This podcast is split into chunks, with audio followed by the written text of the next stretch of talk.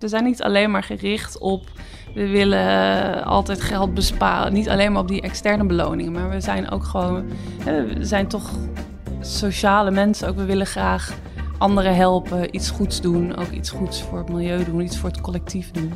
Dat, dat zit toch ook in, uh, in de meeste van ons, dat we daar ook door gemotiveerd raken. Welkom bij Wijsneuzen, de podcast van Trouw. Mijn naam is Frits Ekster en ik probeer deze wereld beter te begrijpen. Ik heb veel vragen, maar ik hoor vooral lawaai. Waar zijn de echte antwoorden? In deze podcast zoek ik ze. Elke week één vraag die ertoe doet. Vandaag het klimaat. Ik weet dat ik radicaler moet zijn, maar waarom ben ik dat niet? Mijn gast is Ellen van der Werf, een klimaatpsycholoog. Zij moet weten waarom we ons duurzaam of minder duurzaam gedragen. Dag Ellen van der Werf. Je bent universitair hoofddocent aan de Rijksuniversiteit Groningen. Ja, klopt. Je houdt je met collega's bezig met onderzoek naar klimaat en psychologie. Wat maakt mensen nu meer of minder milieuvriendelijk? En hoe kun je mensen ertoe bewegen om duurzamer te zijn? Tamelijke urgente kwestie lijkt me. Ik weet zelf eigenlijk dat ik uh, zelf ook een groot klimaatprobleem heb. Uh, ik weet ook al heel lang dat ik daar iets aan kan doen. Door mijn gedrag te veranderen, door minder te vliegen, door de auto vaker te laten staan, door afval te scheiden, trui aan te trekken als het koud wordt, het huis te isoleren, zonnepaneeltje op het dak. En ik heb daar ook wel het een en ander aan gedaan, maar volgens mij absoluut niet radicaal genoeg. En de vraag aan jou is eigenlijk, hoe, hoe komt dat? Wat houdt mij nu tegen? Ja, ja, nou wat je eigenlijk al wel een beetje schetst, is dat je vindt het dus ergens wel belangrijk. Je doet wel een aantal dingen, je probeert wel een beetje je best te doen. Uh, en dat is ook wel wat we zien, dat de meeste mensen vinden het milieu wel belangrijk en zijn ook wel bereid om daar iets aan te doen, om uh, een afval te scheiden, om uh, de licht- of spaarlampen te installeren bijvoorbeeld. Maar dat is natuurlijk niet het enige wat, wat, we belangrijk vinden. We vinden niet alleen maar het milieu belangrijk, we vinden ook ons comfort belangrijk en we vinden ook ons geld natuurlijk belangrijk. Dus heel veel milieuvriendelijk gedrag is eigenlijk een conflict tussen wat we belangrijk vinden, dus ook onze waarden noemen we dat. Uh, en het is een conflict tussen aan de ene kant de, wat wij dan noemen de biosferische waarden. Dus hoe biosferische waarden? Biosferische waarden, inderdaad. Dat? dat? is hoe belangrijk jij het milieu vindt. Mm -hmm. Dus mensen met sterke biosferische waarden die geven om de natuur en het milieu. Um, maar daarnaast heb je ook andere waarden, bijvoorbeeld hedonische waarden, dat je gericht bent op comfort en plezier Lekker hebben. leven. Precies, leuke dingen doen, plezier hebben. Um, maar ook egoïstische waarden noemen we die dan. Dus dat je bijvoorbeeld macht en status, uh, geld hebben. Um, en we vinden allemaal, vinden we eigenlijk al die waarden wel in bepaalde mate belangrijk. Het is niet dat je alleen maar... Je zei dat er vier waarden waren? Of? Ja, we hebben ook nog de altruïstische waarden. Dus dat je andere mensen wilt helpen, ah. sociale rechtvaardigheid, dat soort zaken. Uh, en eigenlijk vinden we allemaal al die vier waarden wel in bepaalde mate belangrijk. Maar we verschillen natuurlijk wel net een beetje op wat we het belangrijkst vinden. Maar als je dus kijkt naar heel veel milieuvriendelijk gedrag, uh, bijvoorbeeld zonnepanelen op je dak installeren, ja, dat is wel goed voor het milieu. Dus dat is wel in lijn met je biosferische of milieuwaarden. Maar dat is dan niet in lijn misschien met je egoïstische waarden. Want het, is, kost wel veel tijd of moeite. Uh, het is ook veel gedoe. Dus het is ook niet helemaal in lijn met je hedonische waarden. En als het je wat, als het een besparing oplevert, ja. dan zou het weer goed zijn voor ja. mijn portemonnee. Dus voor mijn egoïsme eigenlijk. Ja, klopt. En dat is ook wel wat je, wat je eigenlijk ziet. Ook heel veel als ik met mensen mee uit de praktijk praat. Die zegt van, oh, we moeten het eigenlijk gewoon financieel aantrekkelijk maken voor mensen. Dat is een hele belangrijke motivatie. En dat is natuurlijk voor sommige gedragingen zie je dat het echt een barrière is inderdaad als het te duur is. Bedoel, als je geen spaargeld hebt, dan uh, kun je natuurlijk geen zonnepanelen op je, op je dak zetten. Um, maar we zien ook wel dat in heel veel gevallen is dat ook weer niet uh, de doorslaggevende factor. Dus bijvoorbeeld zijn onderzoeken die laten zien um, als je mensen energie wil laten besparen. Zoals een uh, onderzoek uit Amerika, waar ze mensen verschillende boodschappen gaven uh, om energie te gaan besparen. En tegen de ene groep zeiden ze van nou, bespaar energie, want daarmee bespaar je geld. Uh, tegen de andere groep zeiden ze bespaar energie, want dat is goed voor het milieu. En tegen de derde groep zeiden ze bespaar energie, want dat is zowel goed voor het milieu als je bespaart geld mee. En heel veel mensen denken dan, nou, de geldboodschap of de gecombineerde boodschap zal wel het meest effectief zijn. Maar wat, we wat je ziet in dat onderzoek, en meer onderzoek, is dat heel vaak die milieuboodschap, dat die effectiever is. Omdat voor heel veel gedragingen gaat het natuurlijk ook om hele kleine bedragen. Dus dan ga je nadenken van oké, dan kan ik wel energie gaan besparen en dan bespaar ik er geld mee. Maar hoeveel bespaart me dat nou eigenlijk? Dan moet ik misschien heel veel moeite doen. Moet ik mijn licht uitdoen? Moet ik mijn verwarming lager doen? En dat levert me misschien een paar euro per maand op. Dus daar wil ik die moeite dan niet voor doen. Dus dan komen ook die hedonische waarden weer, weer om de hoek kijken. Dus um, het inzetten op die egoïstische waarden, dus het financieel aantrekkelijk maken, dat is een goede strategie als het echt een barrière is voor mensen. Dus als je echt geen geld hebt om zonnepanelen te kopen, zeg maar. Uh, maar in heel veel gevallen is het niet per se de doorslaggevende factor, omdat het nou ja, eigenlijk ook om niet hele grote bedragen gaat. En alsnog met zonnepanelen heb je dan misschien nog de hedonische waarde bijvoorbeeld. Dus dat het, ja, hoe moet je het dan doen? Of het is ook wel een gedoe om dat allemaal uit te zoeken. En dan moet je, moet je offertes aanvragen en dat allemaal regelen. Dus dat zijn ook andere belangrijke motieven die een rol spelen.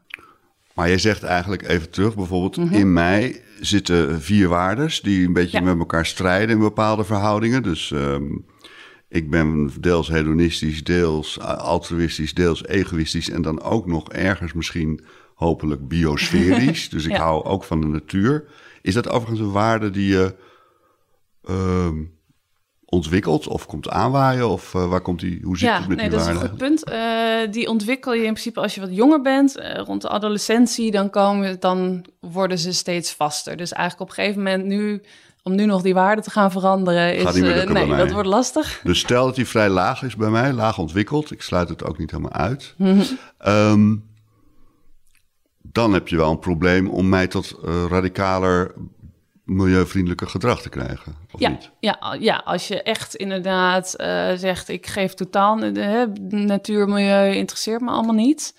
Um, dan heeft het geen zin om zo'n milieuboodschap te geven. Bijvoorbeeld om energie te besparen. Want ja, als het je totaal niet interesseert, dan, uh, dan doe je het daar niet voor.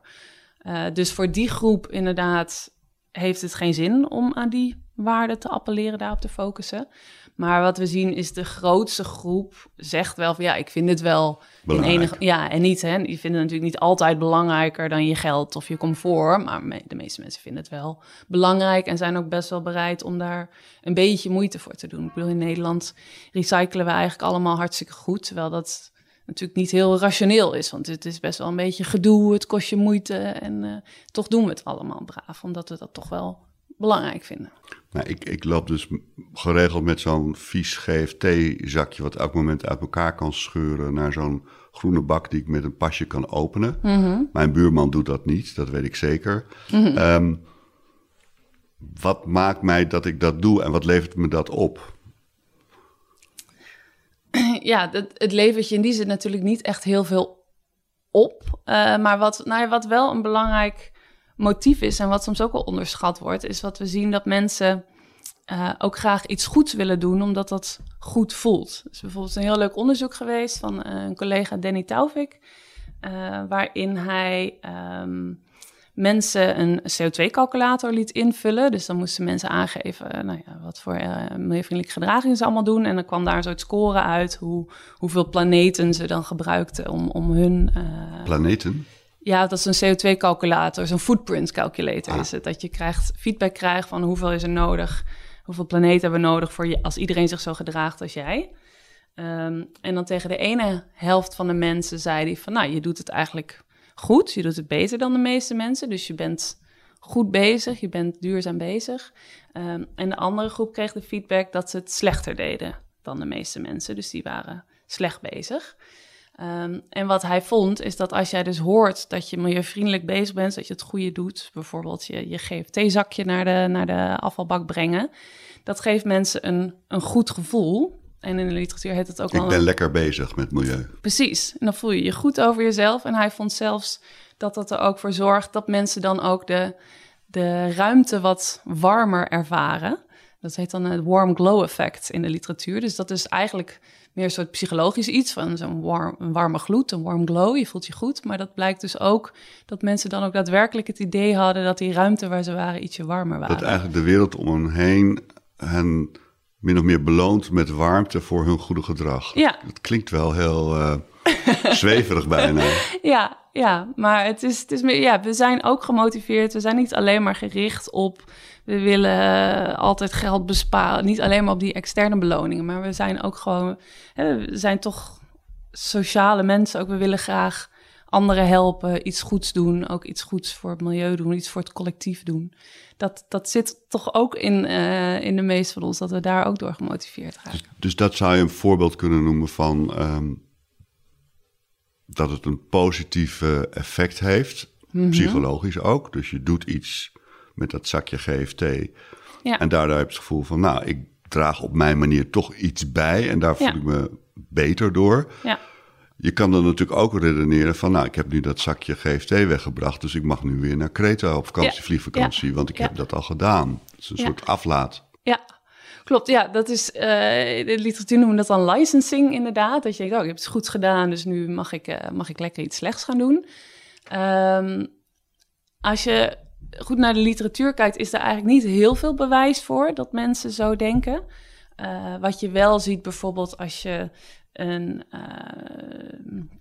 elektrische auto, of nou ja, als je een, een, een energiezuinig apparaat hebt gekocht waardoor je geld bespaart, dan hou je dus gewoon geld over. Dat geld ga je uitgeven. Nou ja, dat als je geld uitgeeft, gaat dat waarschijnlijk op aan iets wat ook dan slecht is. Dan gaat je hedonistische kant weer meespelen. ga je zelf ontzettend verwennen met iets wat misschien niet zo... Nou, dat is meer puur omdat je gewoon meer geld hebt te besteden. Dat, nou, daar ga je dan waarschijnlijk iets mee doen. En dat is waarschijnlijk niet per se goed voor het milieu.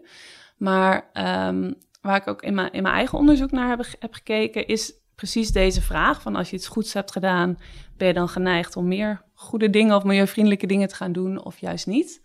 En wat wij vonden is dat als je mensen bewust maakt van hun gedrag, hun duurzame gedrag uit het verleden, dus bijvoorbeeld dat je mensen bewust maakt van, oh je um, recycle je wel eens je afval, uh, doe je het licht uit als je een kamer verlaat, stap je wel eens op de fiets in plaats van de auto, dan zullen de meeste mensen zeggen, ja, dat doe ik wel. Dus dan word je er eigenlijk van bewust, oh, ik ben best wel milieuvriendelijk. En dat motiveert mensen dan om weer nog meer milieuvriendelijk... Een stapje verder te zetten. Ja, terwijl an andersom, als je mensen vraagt... Um, koop je altijd biologische producten of zoek je altijd voor de meest milieuvriendelijke opties... dan zullen de meeste mensen waarschijnlijk zeggen, nou nee, dat doe ik niet altijd. En dan ga je jezelf dus eigenlijk als minder milieuvriendelijk zien... want je realiseert je dat je heel vaak ook niet milieuvriendelijk handelt... En dan word je dus milieu onvriendelijker ook als het gaat om ander gedrag. Want je zou ook kunnen verwachten dat dat een bepaald schuldgevoel oplevert, wat je aanzet om toch je gedrag weer positief te veranderen. Van, oh, ik word me van bewust dat ik eigenlijk niet zo milieuvriendelijk ben. Weet je wat, ik ga nu, vanaf nu, ja. toch weer het goede pad op, om het zo maar ja. te zeggen. Maar jij zegt, dat is eigenlijk, werkt eigenlijk niet zo, het werkt eigenlijk omgekeerd. Ja, ja, wat wij dus vonden is dat als je inderdaad je realiseert, ik doe al heel veel, dan zie je jezelf meer als een duurzaam persoon. En mensen hebben sterke neiging, je wil graag consistent zijn, dus dan ga je ook dat in het vervolg meer doen. En andersom, als je dus realiseert, ik ben niet zo milieuvriendelijk, dan zie je jezelf minder als milieuvriendelijk en ga je dus ook minder milieuvriendelijk handelen. En ik denk dat het ook wel interessant is, omdat je vaak in, in campagnes, als er wordt geprobeerd om milieuvriendelijk gedrag te stimuleren, wordt er eigenlijk meestal benadrukt van uh, we rijden nog te veel auto of we eten nog te veel vlees. Terwijl op basis van dit onderzoek zou je dus beter kunnen zeggen van oh, we recyclen al heel veel. Ga nu ook een dagje minder de auto pakken bijvoorbeeld, ik zeg maar wat. Dus dat je eigenlijk meer zou willen benadrukken wat we al goed doen want dan zien we onszelf meer als milieuvriendelijk, geeft een goed Ken je daar ook voorbeelden van, van geslaagde campagnes uh, die die prikkel geven? Ja, nou ja, er is...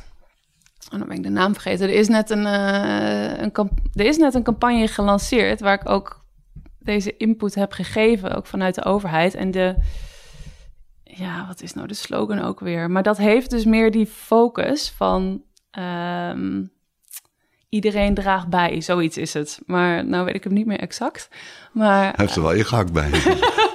ja, hij is nog maar net begonnen. En je hebt er advies over gegeven. ja, maar daar zit dus wel het idee in van je moet dus benadrukken van... oh ja, iedereen doet wel iets. Is dat een hele allemaal... algemene milieucampagne? Ja. ja.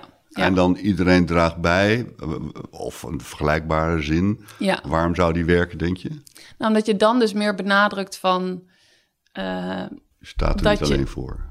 Nou, ook dat zit erin, maar er zit dus ook in van um, je doet eigenlijk al best wel wat. Iedereen doet al wel iets. Dus je benadrukt van, oh ja, we, we doen jij doet ook al best wel wat. Dus je vindt het toch wel een beetje belangrijk. Je bent wel een beetje milieuvriendelijk. En dat kan je dan aanzetten om nog meer te gaan doen. Maar er zit inderdaad ook meer die sociale, die groepsboodschap in. Wat ook een belangrijk motief is. Ja. Uh, dat je ziet van, oh, als anderen er ook mee bezig zijn, dan ben je ook eerder geneigd om aan te haken en om mee te gaan doen. Ehm, David Wallace Wells, die heeft een boek geschreven, De Onbewoonbare Wereld, wat dit uit is. En uh, daarin betoogt hij onder andere dat het eigenlijk met het milieu en het klimaat nog veel erger is dan de wetenschappers ons willen doen geloven.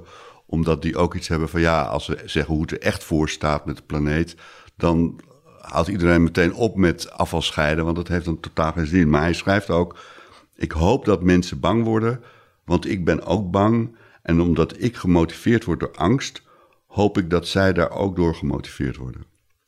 Maar als ik jou hoor, werkt dat van geen meter. Ja, ja nou, je moet natuurlijk wel, uh, hè, dat blijkt ook uit de literatuur, je moet wel bewust zijn van dat er een probleem is. Want ja, als er geen probleem is, is er ook geen reden om te moeten handelen. Maar um, ja, wat, we ook, wat je ook ziet in de literatuur, dat eigenlijk informatie geven over het probleem. Het is een soort, je hebt het een soort basisvoorwaarde, maar het motiveert niet om te handelen of zo. Ook in, Integendeel misschien zelfs, dat je daar moedeloos van wordt. Als het, e-, ja, als het echt een te groot probleem is dat je denkt, ja, mijn bijdrage levert niks op, dan inderdaad, uh, ja, dan kan het mensen juist ontmoedigen. Dus het is aan de ene kant inderdaad ook heel veel campagnes die informatie geven, kennis hebben van het probleem. Ja, dat is gewoon niet voldoende. Dus er moet ook iets motiverends in zitten. Dus dat kan dan wel bijvoorbeeld met die, met die waarden. Of dat je denkt, oh ja, ik, ik ben een milieuvriendelijk persoon, ik vind het belangrijk. Of vanuit uit de groep bijvoorbeeld.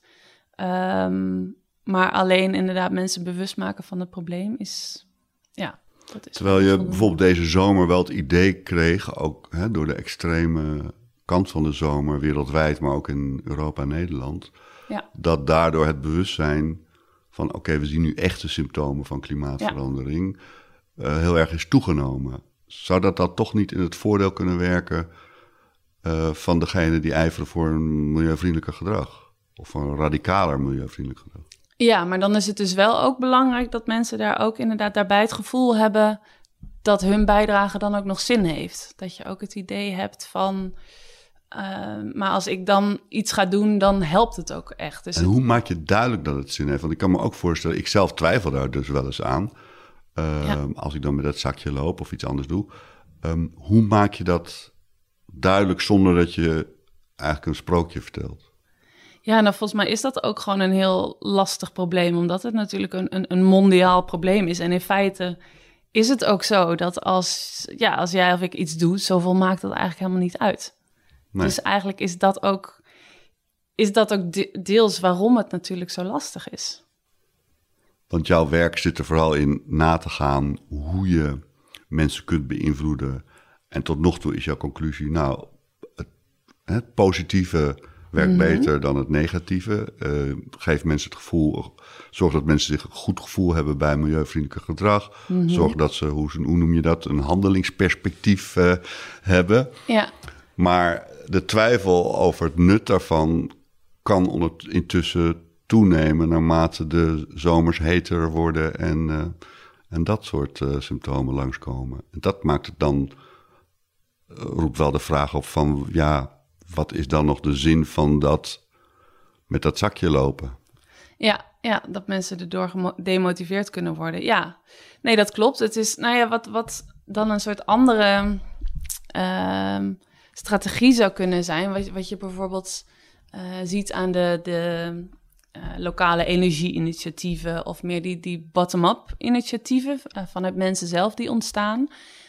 Um, dan zit het minder op het hele de, globale schaal van de, de wereld vergaat. We, hè, dan is het natuurlijk, jouw bijdrage is heel klein, maar dan zie je, dan is het op kleinere schaal. Wij gaan met z'n allen onze wijk verduurzamen. Dan maak je het probleem natuurlijk eigenlijk kleiner. En dan is het ook duidelijker wat jouw bijdrage is. En je ziet dat dat soort initiatieven, dat dat ook heel motiverend kan zijn voor mensen. Dat ze, sommigen willen daarbij aanhaken puur vanwege het milieu. Omdat ze denken, oh ik wil uh, helpen het milieuprobleem op te lossen. Maar sommigen haken dan ook daarbij aan, omdat ze zeggen, oh, ik vind het ook eigenlijk wel leuk om met mijn buren dan iets te gaan doen. En het is ook wel gezellig. Uh, dus dat ze in wezen voor die redenen ehm, bij zo'n initiatief aanhaken. En dan zie je ook dat ze langzamerhand ook meer bewust worden van uh, de meer milieu- of klimaatproblemen die Mm. erachter liggen. En ook daardoor gemotiveerd kunnen raken. Maar dan heb je dus eigenlijk dat je ook het grote wereldprobleem maak je wat kleinschaliger. Ja. En dan wordt dus ook duidelijker van, oh ja, dan maakt het wel uit als ik ook zonnepanelen op mijn dak leg bijvoorbeeld. Ja. En intussen hoop je natuurlijk nog wel dat eh, de grotere eh, zaken ook aangepakt worden. En daarom vroeg ik me ook even af, als je kijkt naar eh, hoe een klimaatakkoord tot stand komt, eh, hoe een regeringsbeleid is of hoe grote ondernemingen zich gedragen, ehm, zijn, zie je daar ook psychologische ehm, belemmeringen of juist dingen die Ja, de goede kant bevorderen? ja, dat, ja, dat speelt natuurlijk een hele grote rol inderdaad. Want waar ik het tot nu toe meer over had, zijn eigenlijk meer de motieven. Van, van waar, wat, wat, vanuit je waarde of vanuit dat, dat je ziet dat je buren doet, dat dat iets belangrijks is wat jou motiveert.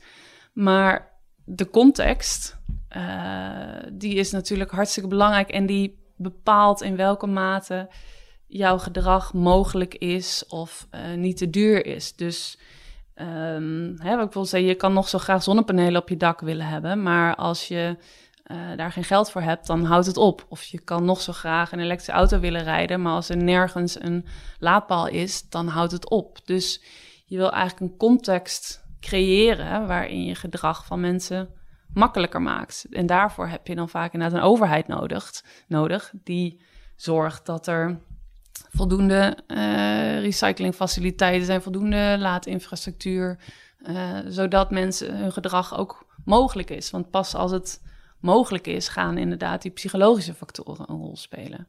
Dus het is aan de ene kant heb je Dus je schept de voorwaarden dat mensen het goede kunnen doen, om het maar even. Ja, dat is het. Je maakt het mogelijk inderdaad voor mensen. Je maakt het makkelijker. Maar tegelijkertijd kan je ook weer eh, de context zo inrichten dat je mensen ook meer focust bijvoorbeeld op het feit dat ze heel, heel veel mensen die milieuwaarden wel belangrijk vinden, waardoor ze hun gedrag veranderen. Dus bijvoorbeeld een, een, een PhD-student hier, Josephine Geiker, zij doet onderzoek naar recycling. En zij kijkt ook naar de rol van de context en van motieven. Dus je, eh, zij vindt ook dat inderdaad bijvoorbeeld de, de, de context, dus als je meer recyclingfaciliteiten hebt, ja, dat maakt het makkelijker. Daarom gaan mensen meer eh, recyclen. Maar bijvoorbeeld een bepaalde verpakking, eh, dat kan ook een contextfactor zijn, kan ook zo worden ontworpen dat het mensen herinnert of gefocust maakt op hun biosferische milieuwaarden. Waardoor ze denken, oh ja, inderdaad, ik vind het ook belangrijk, dus ik ga deze verpakking nu ook recyclen. Dus de context kan direct invloed hebben op gedrag, maar ook doordat het bepaalde motieven aanspreekt, waardoor je weer nog meer geneigd wordt om milieuvriendelijk te handelen. Ja. En als je het over wat grootscheepse interventies, om het zo maar te zeggen, van de overheid hebt, eh, eh, dan merk je ook dat ze soms heel beducht zijn voor de publieke opinie. Dus dat ze het moeilijk vinden om ze ervan te overtuigen dat, ik noem maar wat, rekeningen rijden Ja, een goed, een goed idee is. Wat gaat daar dan mis? Wat, wat, hè, terwijl ook het bedrijfsleven soms vraagt aan de overheid: kom maar met maatregelen, alleen jullie moeten dat doen. Ja. Zie je dat de politiek dat toch lastig vindt om zich, ja, laat maar zeggen, impopulair te maken. Ja, ja, ja, ik denk dat er inderdaad een, een, een, soms een te grote angst is om iets te doen, inderdaad. Dat mensen Onderschatten zij ons biosferische Nou, gevoelens? Een beetje wel soms, denk ik. Van een mooi, mooi voorbeeld, ook, ook gerelateerd aan het rekeningrijden, was in, in Stockholm. Ja, dat is wel weer een aantal jaren geleden ondertussen. Maar daar hebben ze toen... ehm, toen wilden ze ook in de stad Stockholm wilden ze eh, tolheffingen introduceren. Dus hoe verder mensen de stad ingingen met de auto, hoe meer je moest betalen. Eh, en daar was eerst ook heel veel weerstand tegen. Dus toen hebben ze gezegd van nou, we introduceren dat voor een half jaar. Dus konden mensen dat ervaren. Ehm, en van tevoren was er dus best wel veel weerstand. En na afloop, toen na die zes maanden mochten mensen stemmen van willen we hiermee doorgaan of willen we hiermee stoppen.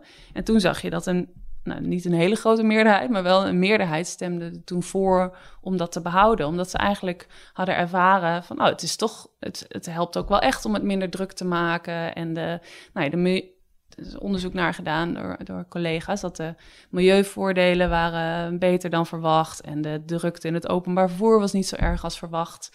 Dus maar dat was- is dan een hele rationele afweging eigenlijk. Ja, Daar heeft Ja. psychologie misschien niet zoveel mee te maken. Nou, in die zin dat mensen dus van tevoren, mensen zijn van nature ook, ehm, eh, ja, die willen graag de, de, gaan voor de status quo. Dus ze willen het graag houden zoals het is. Eh, omdat je ook bang bent dat het negatievere gevolgen kan hebben. En in dit voorbeeld zie je dus van, nou, dat kan heel erg meevallen. Dus eigenlijk moet je dan als overheid gewoon wat brutaler zijn. Het invoeren moet natuurlijk wel goed zijn ontworpen dan. Ehm, En dan zal het misschien wel meevallen. Hm. Toch blijf ik een beetje het gevoel houden ehm, dat dit. ehm, dat om een radicalere verandering teweeg te brengen, je eigenlijk ook wel radicaler in het leven van mensen in moet grijpen en je eigenlijk er niet bent met het. eh, met de psychologische middelen die je net langs ja. noemde. Wat, wat denk jij? Nou, dat, dat ben ik. Ik denk dat de psychologie belangrijk is om, om te weten wat eh, motiveert mensen om eh, hun gedrag te willen veranderen. En tegen welke drempels lopen ze aan. En ook als het gaat om, hè, als overheid veranderingen wil doorvoeren, hoe moet je mensen daarbij betrekken? Bijvoorbeeld met duurzame energieprojecten. Hoe moet je mensen betrekken en in welke fase? En hoe kun je dat het beste doen? Maar met alleen de psychologie gaan we het niet redden, inderdaad. We hebben ook eh, technologische ontwikkelingen nodig en inderdaad beleidsveranderingen. Dus ik denk dat je vanuit al die verschillende hoeken moet kijken, inderdaad, hoe kunnen we die doelen behalen? Welk onderzoek heeft jou zelf eigenlijk het meest verrast of afgerekend met een voordeel wat jij op dit terrein hebt? Nou, ik denk ook wel het, het onderzoek inderdaad dat als je dus benadrukt dat we eigenlijk al wel duur... Dus als je mensen feedback geeft of benadrukt van je bent eigenlijk heel milieuvriendelijk, dat dat aanzet tot meer milieuvriendelijk gedrag. En dat we dus, nou ja, eigenlijk dat we dus toch wel iets een positiever beeld hebben over hoe belangrijk de meeste mensen het vinden. En dat als je dat positief benadrukt, dat het aan kan zetten tot meer duurzaam gedrag. Dus je was blij verrast dat een mens in zekere zin ook iets goeds heeft of heeft behouden. Nou, niet dat ik dat helemaal niet had verwacht, maar eh, ja, ik was inderdaad wel blij verrast eh, dat we eerder geneigd zijn om dan dat goede gedrag vol te houden, dat dat, dan dat we denken van, oh, nou mag ik even achterover zitten. En, eh, nou Maar heb je dan niet de hele tijd het gevoel van daar zouden we dan veel meer op moeten sturen? Er zouden veel meer Ja. campagnes opgericht moeten zijn. Er zou veel meer gestimuleerd moeten worden omdat dat goede zeg maar in die mens zit. Ja. Om dat eh, ook tot wasdom te laten komen. Ja, ik denk dus dat er nu dat er veel te veel prikkels zijn om ons, die ons bewust maakt, maken van wat we allemaal niet goed doen, of wat we nog niet doen, of dat het duurzame moeilijk wordt gemaakt, of dat alleen maar op de financiële kant wordt gehamerd, wat voor sommige gedragingen, vooral de, de, de kleinschalige gedragingen, juist minder motiverend werkt. Dus ik denk dat je inderdaad heel veel ehm, in die context, in, in campagnes en in hoe je de omgeving inricht kan veranderen om daar meer op te focussen. En ik denk, ik denk niet dat dat het enige is wat we nodig hebben. Je hebt natuurlijk ook, ook soms Harde ingrepen. hardere ingrepen nodig, inderdaad. Eh, maar dat dat wel ook een belangrijke factor is die nu vaak juist de verkeerde kant op werkt. Hey, je, ehm, jij bent met dit soort onderzoek bezig, wat er vooral op is gericht van hoe kunnen we, laten we maar zeggen, het goede in de mensen bevorderen. Ehm, maar je vertelde net even vooraf ook dat er in hetzelfde gebouw ook eh, een plan B, over een plan B wordt nagedacht. Kun je daar iets over vertellen? Ja, ja eh, waar we het nu eigenlijk over hadden is meer eh, mitigatie. Dus hoe kunnen we klimaatproblemen verminderen? Dus, dus duurzamer handelen. Ehm, en er inderdaad een groep collega's die noemt zichzelf het eh, Plan B-team. Die kijken meer naar adaptatie. Dus we zien nu natuurlijk al dat het klimaat verandert. Vorig jaar met de hete zomer bijvoorbeeld. En nou ja, dat soort veranderingen zullen er meer komen. Hoe gaan we daar dan mee om? Dus bijvoorbeeld dat je eh, in de steden dat mensen hun tuin moeten vergroenen, zodat je beter het water op kan vangen en minder steen hebt, zodat je minder hitte-eilanden krijgt. Dus dat is natuurlijk ook een belangrijke vraag voor de toekomst. Van oké, de, de, de, er komen ook veranderingen aan, of die zijn al bezig. Hoe kunnen we ons daar het beste aan aanpassen? En wat willen mensen daarin doen? En hoe kunnen ze gemotiveerd worden om die aanpassingen te maken? Is dat nu meer urgent en misschien zelfs meer relevant dan wat jij mee bezig bent? Nou ja, ik, ik, ik zit dus nog een beetje in de team A kant. Dus ik hoop nog dat we. ja, misschien wel. Nee, ik, ik ben nog wel positief. Ik denk dat we nog wel een hele hoop kunnen veranderen. Dat we nog een, een, een hele hoop. Uh, ja, ik hoop de, de, de, de anderhalf graad waar we volgens het IPCC onder moeten blijven. Uh, nou, ik hoop dat we zoveel mogelijk die kant nog op kunnen. Dus ik denk dat het ook heel belangrijk is om na te denken over adaptatie en hoe gaan we om met die veranderingen. Maar ik, ik probeer toch ook nog een beetje in te zetten op het uh, zo min mogelijk uh, opwarmen van het, uh, van het klimaat. Door de mensen aan te zetten. Ja, om daar, om daar onderzoek, nou, om daar onderzoek naar te doen van wat motiveert mensen dan en hoe kun je ze in En die kennis te gebruiken in bijvoorbeeld die campagne ja. van... Ja. Hoe ging de slogan ook alweer? Die, ja, die, die zo goed is blijven hangen bij mij. Ja, dat, Iedereen doet mee, of wat was het? Ja, ja, nee, hij is me ook niet meer te binnen geschoten. Nou, zoeken we dan. Iedereen doet een, doet een beetje. Nee. Die gaan slecht. we opzoeken. Dankjewel. Graag gedaan, bedankt. Hartelijk dank, Ellen van der Werf. Ik ben wijzer geworden. Ik begrijp dat je je goed kunt voelen als je je duurzamer gedraagt. Dat het aanstekelijk is. En dat het dus meer effect heeft om te wijzen op het positieve dan op het negatieve in ons gedrag. Maar ik begrijp ook dat er meer, veel meer nodig is dan psychologie.